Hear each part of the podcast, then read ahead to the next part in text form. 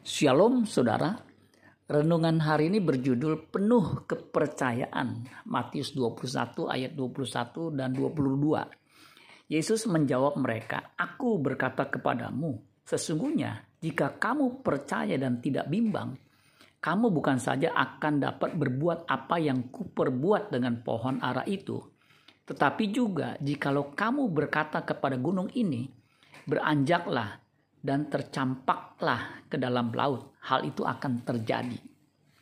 Dan apa saja yang kamu minta dalam doa dengan penuh kepercayaan, kamu akan menerimanya.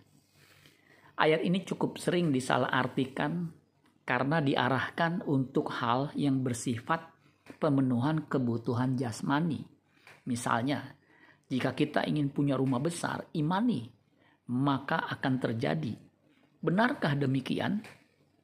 Jika kita perhatikan konteks sesudahnya, Tuhan Yesus mengatakan, "Apa saja yang kamu minta dalam doa dengan penuh kepercayaan, kamu akan menerimanya."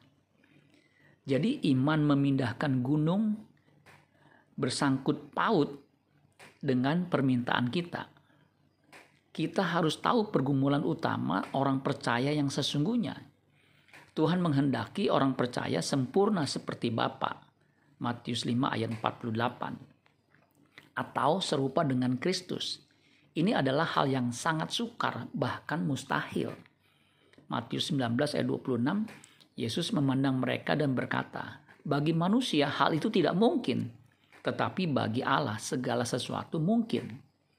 Roh Kudus akan menolong kita untuk mewujud nyatakannya untuk itu kita harus serius dengan permintaan kita ini.